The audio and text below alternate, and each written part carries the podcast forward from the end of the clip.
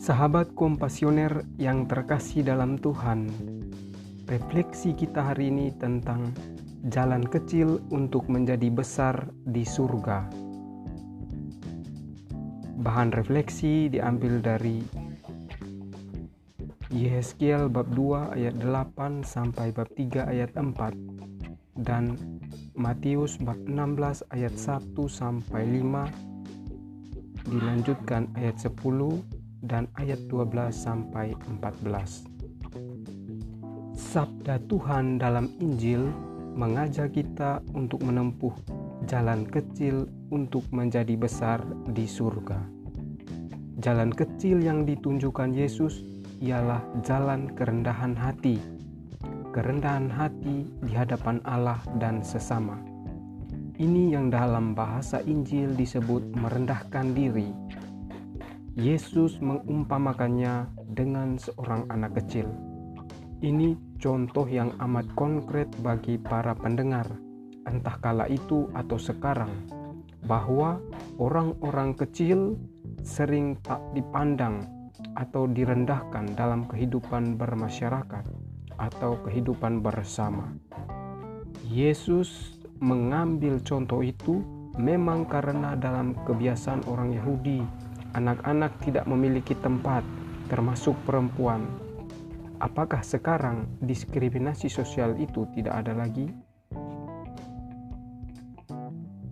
Hari ini kita boleh bergembira karena terdapat contoh yang jauh lebih dekat dengan kita, yaitu Clara Skiffy 1194 sampai 1253 gadis Asisi yang memperjuangkan dan menghidupi jalan kecil menjadi besar di surga.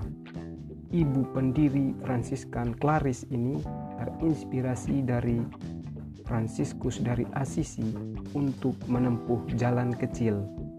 Jalan kecil yang ditempuh itu salah satunya bercorak kemiskinan sebagaimana situasi nyata di masanya. Kemiskinan menjadi jalan kecil sebab tak banyak orang menekuninya. Orang yang menekuninya hanyalah mereka yang telah mencerna sabda Tuhan sebagaimana Yeskiel yang memakan gulungan firman.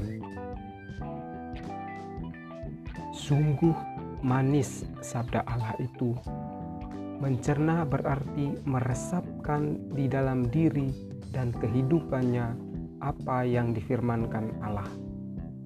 Orang kecil dan orang miskin itu hal yang amat dekat, bahkan kerap kali disamakan. Orang kecil identik dengan orang miskin.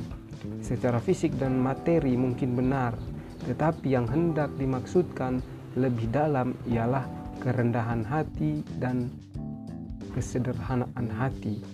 Inilah jalan kecil, jalan yang sedikit ditekuni.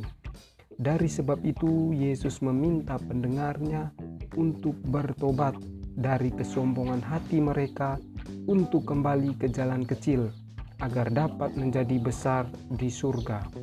Contoh yang jauh sebelum Clara juga sudah ditunjukkan oleh Susana martir wafat tahun 295 di awal kekristenan karena memperjuangkan iman ia menolak menikah dengan putra kaisar yang kafir.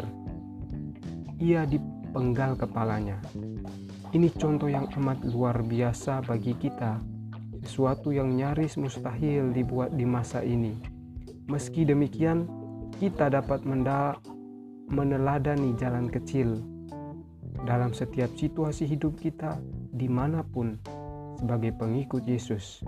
Jalan kecil dikehendaki Bapa dan mereka yang di dalamnya sangat dijunjung tinggi oleh Bapa.